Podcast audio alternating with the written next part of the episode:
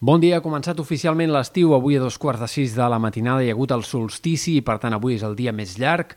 i també el dia en què al migdia tindreu l'ombra més curta de l'any. Una jornada predominada pel sol, tot i que a última hora, de cara al vespre, podria haver-hi alguna tempesta puntual que afecti el Pirineu Occidental o també alguns sectors de Ponent. Avui també serà protagonista el vent d'entre Ponent i Garbí, que bufarà amb cops d'entre 30, 40, 50 km per hora en molts sectors, sobretot de les comarques de Girona, tant en punts interiors com també a la costa. Al migdia farà una mica més de calor que ahir a prop de mar, però en canvi baixarà la humitat. Serà una calor bastant més seca que no pas la del cap de setmana. Ponent la temperatura fins i tot baixarà una mica respecte als últims dies al migdia. De fet, la primera part de la setmana serà agradable, amb temperatures que encara baixaran una mica més, sobretot de cara a demà i dimecres,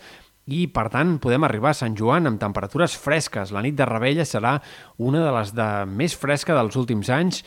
i serà segurament una de les nits amb temperatures eh, més baixes de les últimes dues setmanes. Pel que fa a l'estat del cel, esperem algunes complicacions en el temps de cara a demà i sobretot dimecres, i més inestabilitat, ruixats i tempestes que han d'afectar moltes comarques del Pirineu, Prepirineu, Catalunya Central, també més puntualment sectors del prelitoral i de la costa, especialment al llarg de la matinada i al migdia i tarda de dimecres de matinada segurament més en punta a la costa, a partir del migdia de cara a la tarda més concentrats aquests ruixats en sectors de, més interiors del Pirineu o de la Catalunya central o sectors del prelitoral. Tot fa pensar que a mesura que avanci a la tarda i al vespre de la rebella del dia del dimecres, el temps anirà millorant i que, per tant, els ruixats que puguin quedar durant el vespre o primeres hores de la nit siguin ja fenòmens bastant més aïllats i que només apareguin en punts del Pirineu o potser puntualment en algun sector de la Catalunya central o de comarques de Girona, però cal tenir en compte que durant les hores prèvies a la rebella sí que el temps pot ser bastant més mogut i amb algunes tempestes destacables. Pel que fa al cap de setmana llarg per molta gent, el que esperem és que el temps sigui bastant més tranquil. Dijous encara hi haurà algunes tempestes al Pirineu, però segurament